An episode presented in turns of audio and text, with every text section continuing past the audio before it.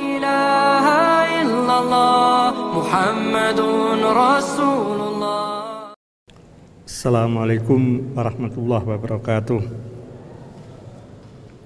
Alhamdulillahirrabbilalamin Wassalatu wassalamu ala anbiya wal mursalin Wa ala alihi wa sahbihi ajma'in amma ba'd Yang saya sangat muliakan jamaah sholat isya Dan insyaallah sholat tarawih yang dimuliakan Allah Sungguh luar biasa saya mendapatkan kepercayaan untuk berdiri di mimbar ini dan untuk itu saya sampaikan terima kasih.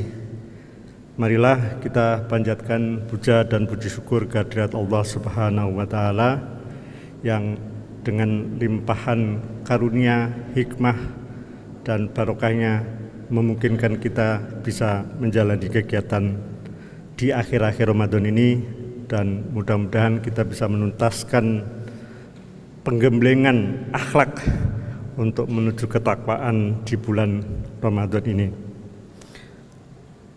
Bapak Ibu saudara sekalian yang dimuliakan Allah yang diamanatkan untuk saya ajak refleksikan adalah rajut keindonesiaan.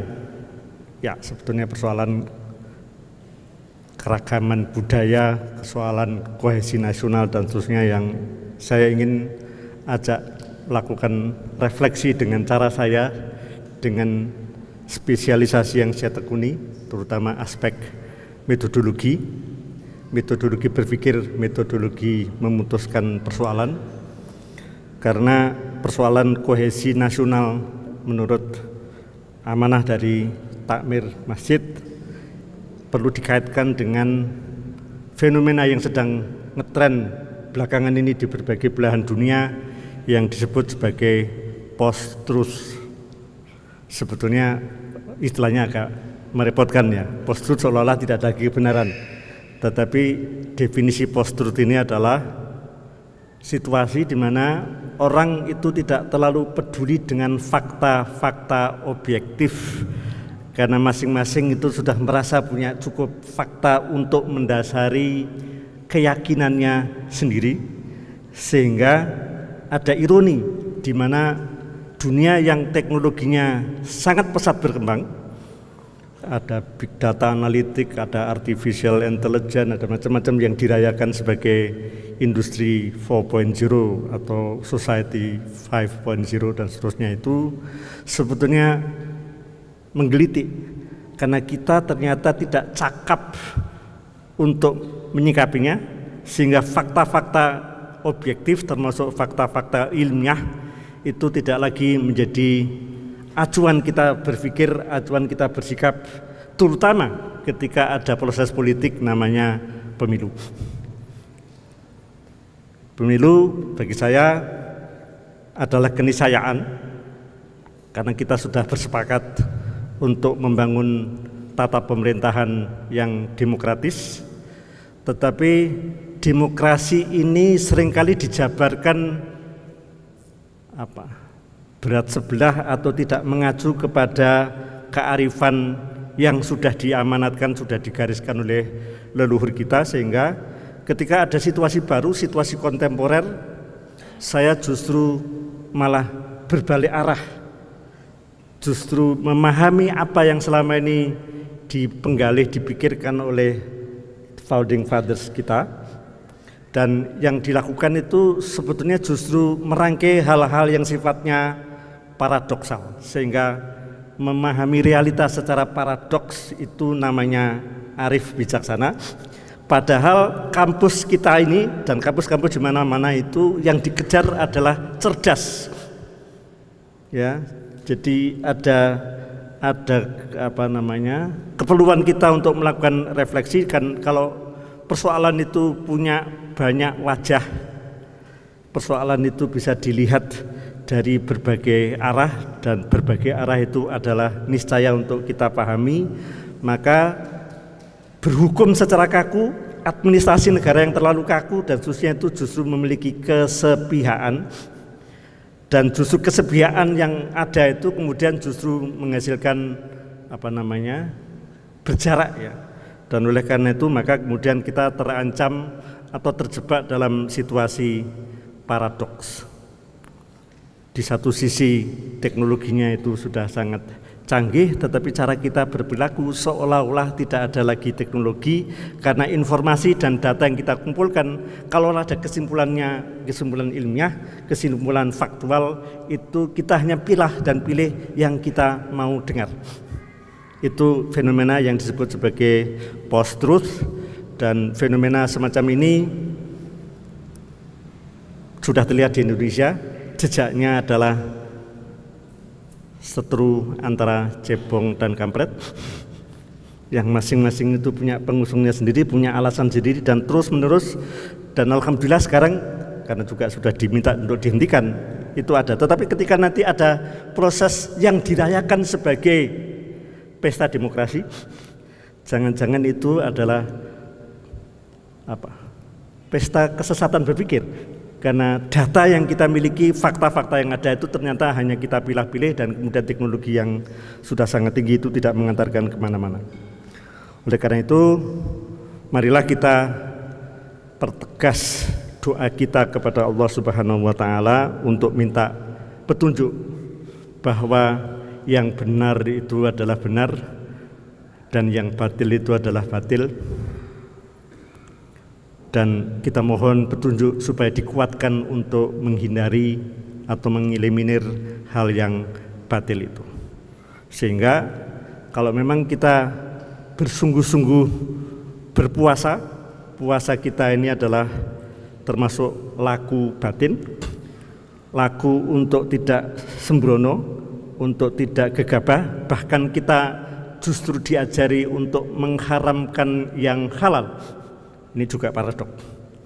Sehingga kalau watak paradoksal puasa itu tidak menginspirasi kita, ya jangan-jangan akhir Ramadan itu ya hanya sekedar akhir Ramadan dan kemudian apa tauhid sosial kita, ketakwaan kita secara sosial tidak membaik. Bapak Ibu, saudara-saudara sekalian yang saya muliakan, eh, saya mendapatkan amanah ini sangat terhormat, sangat tersanjung karena sebelum saya ada deretan penceramah atau narasumber yang saya antisipasi akan menjadi bagian dari keterbelahan di era medsos, di era sosial media, di era yang disebut sebagai post truth. Tanda-tandanya sudah terlihat ada yang kita lulukan sebagai calon presiden, ada yang kita demo. Ya. Jadi nuansa terbelahnya itu sudah terlihat di masjid dan kita sudah membawa asumsi, sudah membawa preferensi, membawa prejudis kita dan kemudian limpahan informasi yang apa namanya e, mengalir kepada kita itu tidak menjadi hidayah, tidak menjadi petunjuk. Oleh karena itu, mari kita perkuat doa kita untuk tetap mendapatkan rezeki yang namanya faham. Karena faham itu sebetulnya adalah rezeki merupakan hidayah. Dan kita di kampus ini sudah terbiasa untuk merasa rasional merasa bisa memikirkan sendiri sehingga kemudian ada berbagai hal itu tidak kita pikirkan termasuk yang sudah dituliskan di dalam apa namanya dokumen-dokumen kenegaraan yang kita miliki. Negara yang demokratis, kalau memang kita bersungguh-sungguh, pada dasarnya mengandikan rakyat itu punya kompetensi menjadi pemilik dan pengendali publik. Tetapi imajinasi ini sangatlah ambisius karena faktanya banyak orang banyak warga negara yang tercacar dan bahkan di negara kita kita itu dinormalkan sekedar sebagai penduduk yang itu adalah entitas demografi bukan entitas politik. Ketika kita semua ini hanya memposisikan sebagai penduduk itu terserah yang ngetik dokumen penduduk. Terserah orang yang membuat KTP, terserah orang yang mengadministrasikan kita seolah-olah bukan pemiliknya. Sehingga kalau kompetensi untuk berdemokrasi itu menjadi tuntutan penting, tuntutan itu tidak terpenuhi di negara-negara yang sudah kita jadikan referensi untuk berdemokrasi sekalipun. Di Amerika Serikat kita ingat pemberitaan di sekian bulan yang lalu Presiden Trump merasa menjadi pemenang dan kemudian para pendukungnya menguasai gedung apa namanya DPR-nya dan kemudian menghasilkan kerusakan. Dan Amerika Serikat harus menanggung malu luar biasa setidaknya yang bukan pendukung Trump.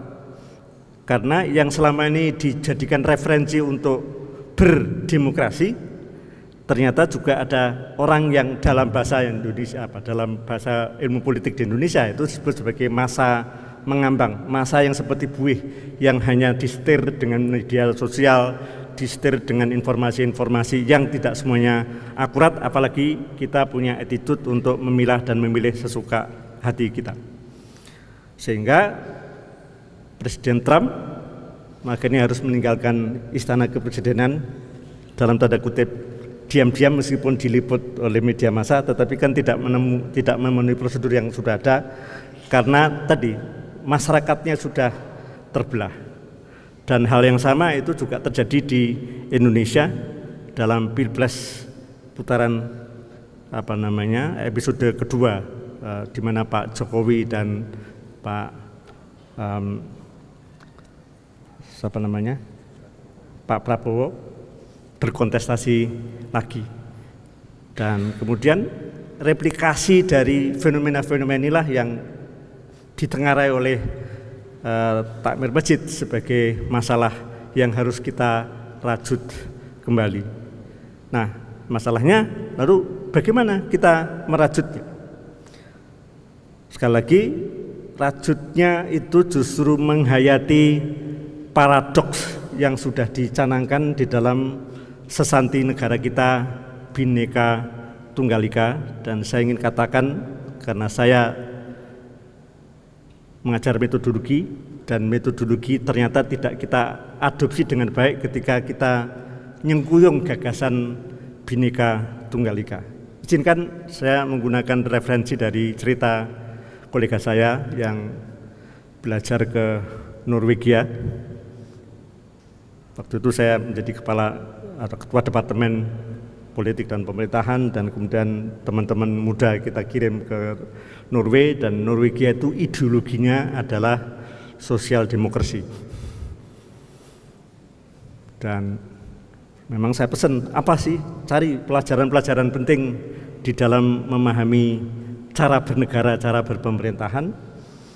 Dan setelah pulang saya tanggap uh, ada tiga tokoh yang sudah pulang waktu itu dan kemudian saya tanya apa yang yang penting ternyata gagasan sosial demokrasi itu tidak terlalu banyak dilafalkan. Tetapi gagasan sosial demokrasi itu menyelinap di dalam teori-teori sosial. Yang diajarkan sehingga teman saya itu memahami sosial demokrasi dari memahami teori ekonominya orang uh, Norwegia teori politiknya orang Norwegia dan kita ini terlalu sering ketika ngomong Pancasila, ngomong Bhinneka dan sudah terlalu sering kita melafalkan tetapi manifestasinya dalam cara berpikir itu tidak kita latih sehingga Bhinneka Tunggal Ika ya tidak lebih dari sekedar tulisan di dalam lambang negara. Saya sendiri pun tidak sanggup untuk melakukan hal semacam itu padahal saya adalah dosen metodologi di universitas terkenal namanya Universitas Gajah Mada. Karena memang kita tidak terbiasa untuk ngelakoni metodologi itu dan kemudian teori-teori yang kita ajarkan itu kalis dari cara berpikir yang sudah diamanatkan. Jadi Bapak Ibu saudara sekalian, kalau memang Bhinneka Tunggal Ika itu kita mau jadikan rajut untuk penyelamat Indonesia ketika berhadapan dengan pemilu yang akan datang yang skalanya lebih dahsyat karena pemilu yang akan datang itu berlangsung serentak.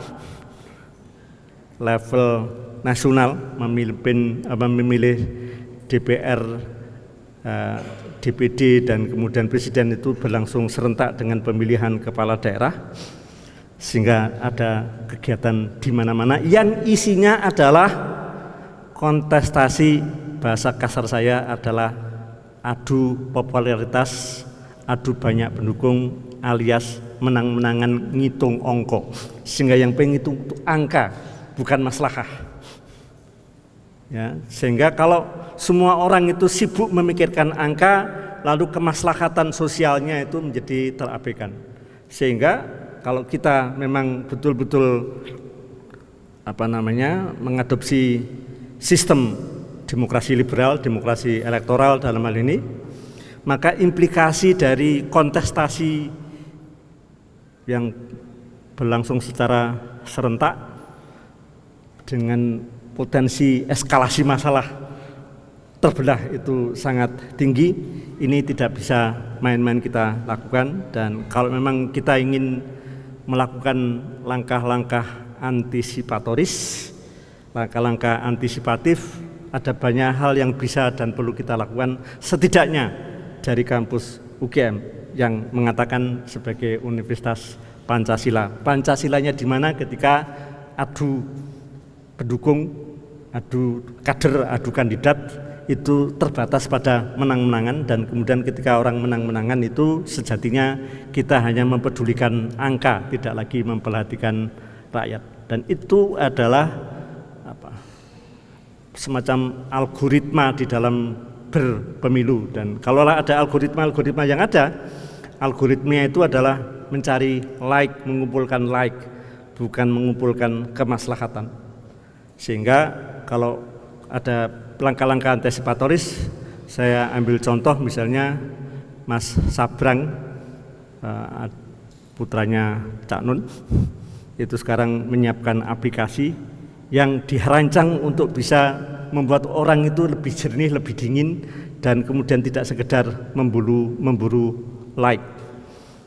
Dan kalau memang aplikasi semacam itu kita bisa apa, kembang biakan, maka replikasi supaya kita tidak terjebak di dalam pembelahan itu ada solusi-solusi teknologisnya. Syaratnya adalah nalar liberal, nalar gugar dewi, nalar mencari untung, nalar memburu apa banyak-banyakan like, banyak-banyakan pendukung itu harus diikuti dengan nalar yang lebih luas.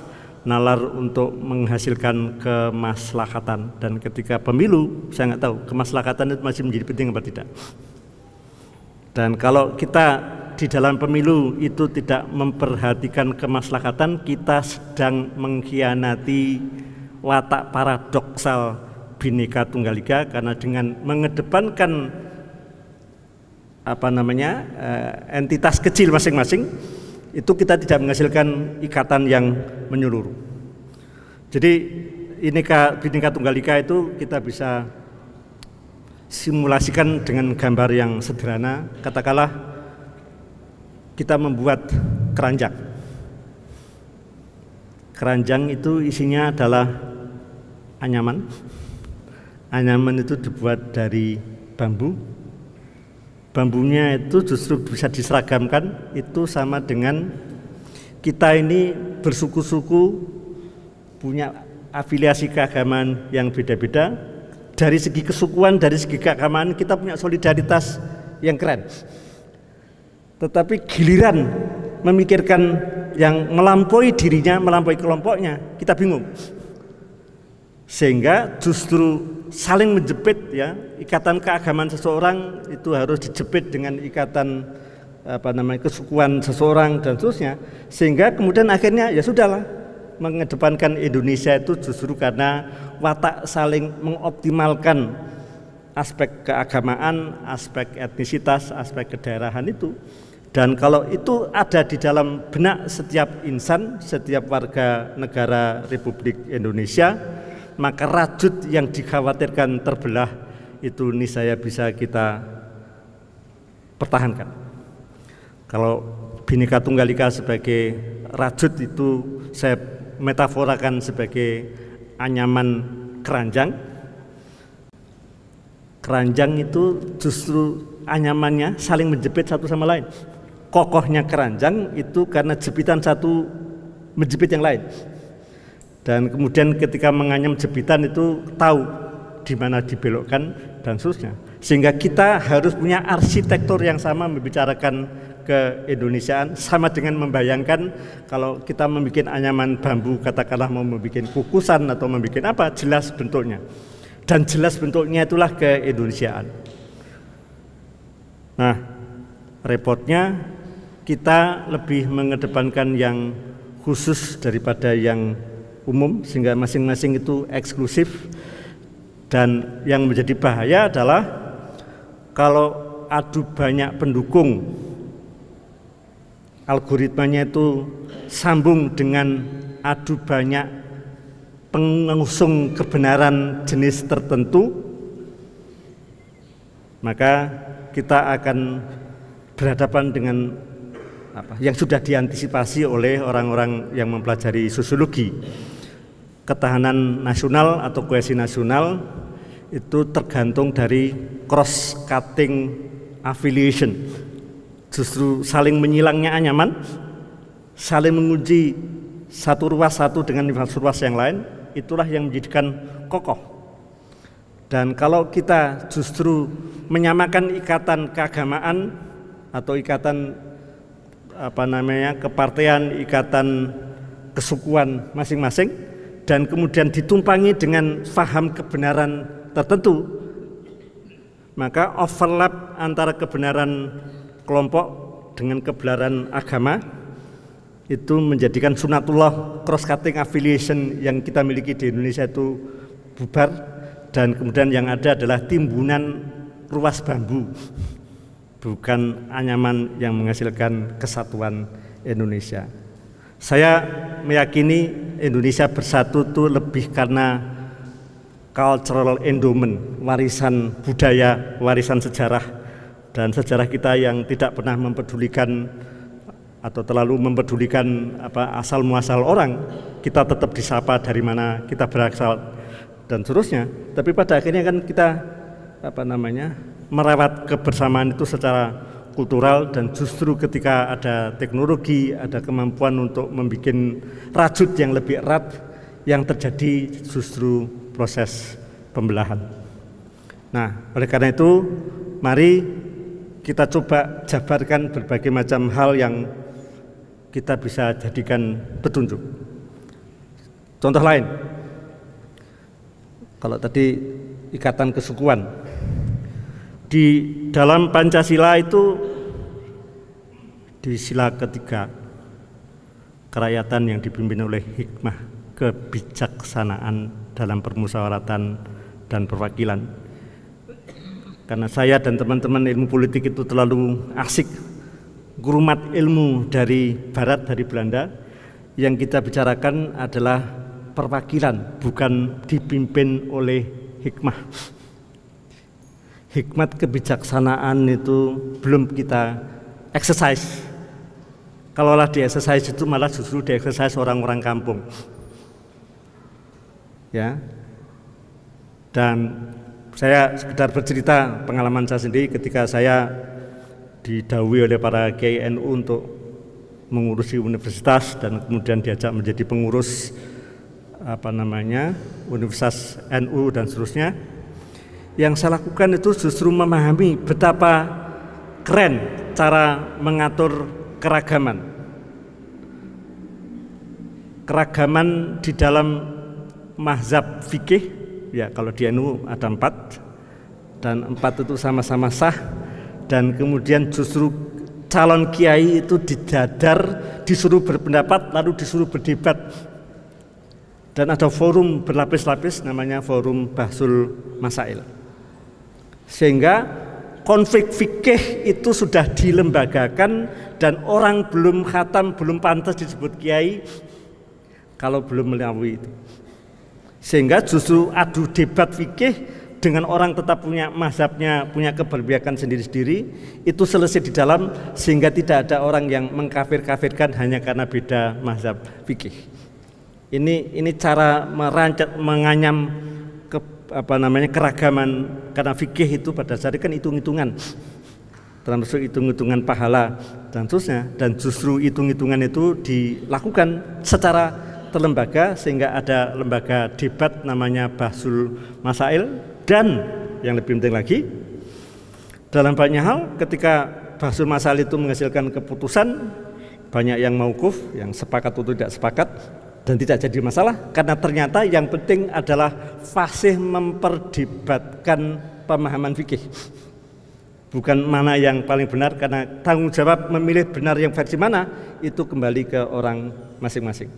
Sehingga tanggung jawab keilmuan itu ada di sana. Ini sekedar sebagai contoh di dalam NU punya endomen itu di Muhammadiyah punya endomen begitu itu dan kalau ini justru dijadikan kesadaran bagaimana kita merajut keragaman pendapat dan seterusnya maka justru keterbelahan itu bisa dilakukan di situ apalagi kalau bisa ada forum yang lintas antara forumnya Muhammadiyah dengan forumnya NU dengan yang lain. Ketika kita berhadapan dengan apa namanya yang disebut sebagai paham radikal, ya radikal itu dibicarakan dalam isolasi dan kemudian proses memperdebatkan melintasi masa melintasi kelompok itu kita belum terbiasa. Sehingga di sini sebetulnya kita belum bersungguh-sungguh ngugemi, bersungguh-sungguh untuk menjunjung tinggi dan mempraktikkan faham paradoksal, justru beragam itu dibenturkan dan ketika kebentur itu kemudian justru akhirnya menyadari kebersamaan dan kemudian dalam banyak hal itu bisa dikembalikan ke persoalan keberagaman masing-masing. Nah ini contoh cara mengambil hikmah kebijaksanaannya itu justru dengan memperdebatkan dan melembagakan debat. Itu sekedar sebagai contoh cara cara merajut kebinekaan pendapat. Dan ketika kita membicarakan Bhinneka Tunggal Ika, selama ini kan hanya membicarakan identitas, bukan keragaman cara berpikir. Dan kalau ada mazhab-mazhab itu terjadi karena perbedaan cara berpikir. Sehingga pembicaraan yang apa namanya berdebat antar mazhab termasuk mazhab keilmuan itu niscaya. Dan lebih dari itu ya orang ilmu sosial dengan orang ilmu sakta biasanya punya cara berpikir macam-macam sehingga kalau istilahnya dulani kurang jauh gitu, dulani kurang adoh gitu ya ya kemudian justru masih apa terkungkung dengan pemahaman yang yang mungkin belum belum lincah gitu. Nah, kalau memang keragaman itu kita bisa latihkan, kita simulasikan dalam berbagai cara, maka kemudian post truth itu bisa dinetralisir. Nah, ada pengakuan yang lain yang saya ingin sampaikan di sini. Ketika membicarakan Pancasila tadi dipimpin oleh hikmah, hikmah itu belum terlalu banyak kita latihkan. Dan oleh karena itu maka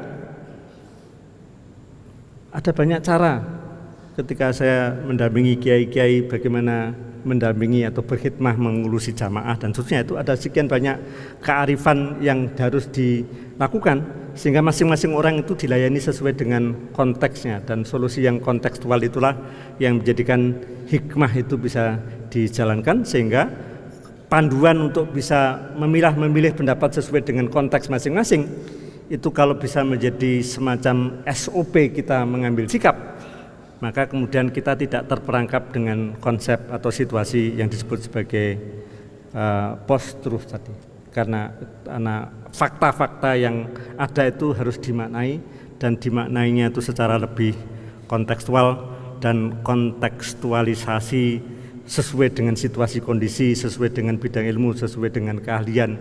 Itulah kalau kita bisa lakukan sebagai habit, maka post-truth society tidak menjadi ancaman tetapi justru menjadi berkah.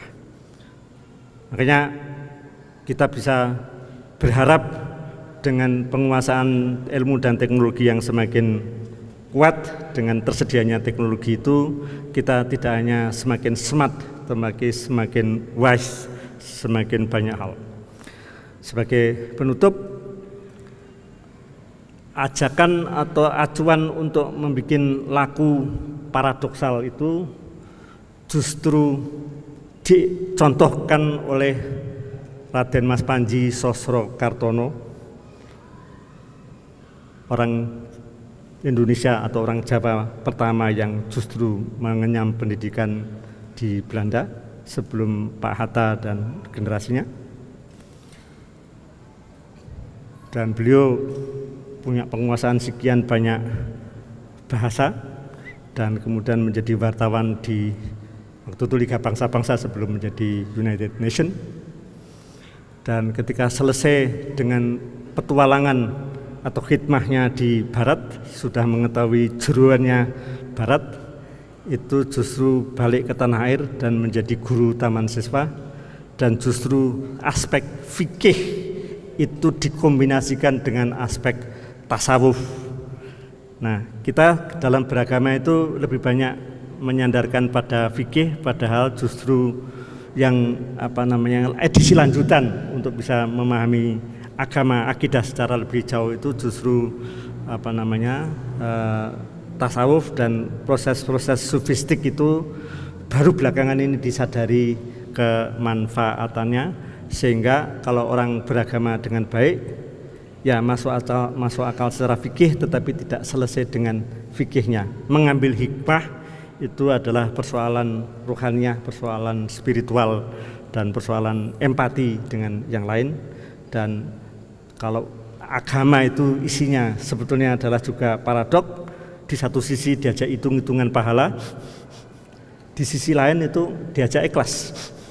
Sehingga kalau kita beragama itu dengan logika transaksional dengan Tuhan, berdagang dengan Tuhan, yaitu sifatnya ya paling mediocre. Dan kalau memang kita mau all out, eh, justru kita memperkuat tauhid kita itu dengan laku-laku spiritual yang diajarkan oleh Toriko, oleh uh, Sufisme dan seterusnya. Dan dengan begitu lalu aspek jiwa dan raga, aspek uh, moral spiritual dengan aspek empirik dan seterusnya itu bisa kita gabungkan. Dan kemampuan untuk itu perlu kita replikasi di dalam pembelajaran di universitas dan perlu perjalanan panjang untuk mencapai itu. Mohon maaf saya tidak bisa membicarakan terlalu detail tetapi saya ingin menggarisbawahi rajut Indonesia untuk bisa menghadapi potensi kontestasi yang panas di era pemilu serentak tahun depan itu eh, perlu diantisipasi, perlu dikondisikan sejak sekarang supaya kita tidak terkopoh-kopoh dan kemudian mengulang kesalahan yang sama. Potensi untuk mengakhiri post truth itu secara teknis itu tidak mudah. Eh, ada banyak hal yang nanti kita perlu bicarakan di ruang terpisah.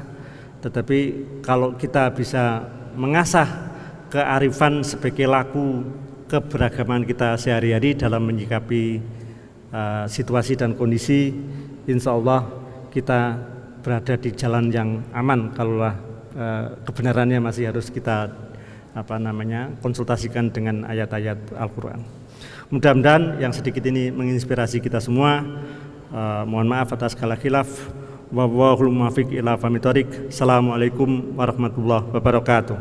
La ilaha illallah Muhammadun Rasulullah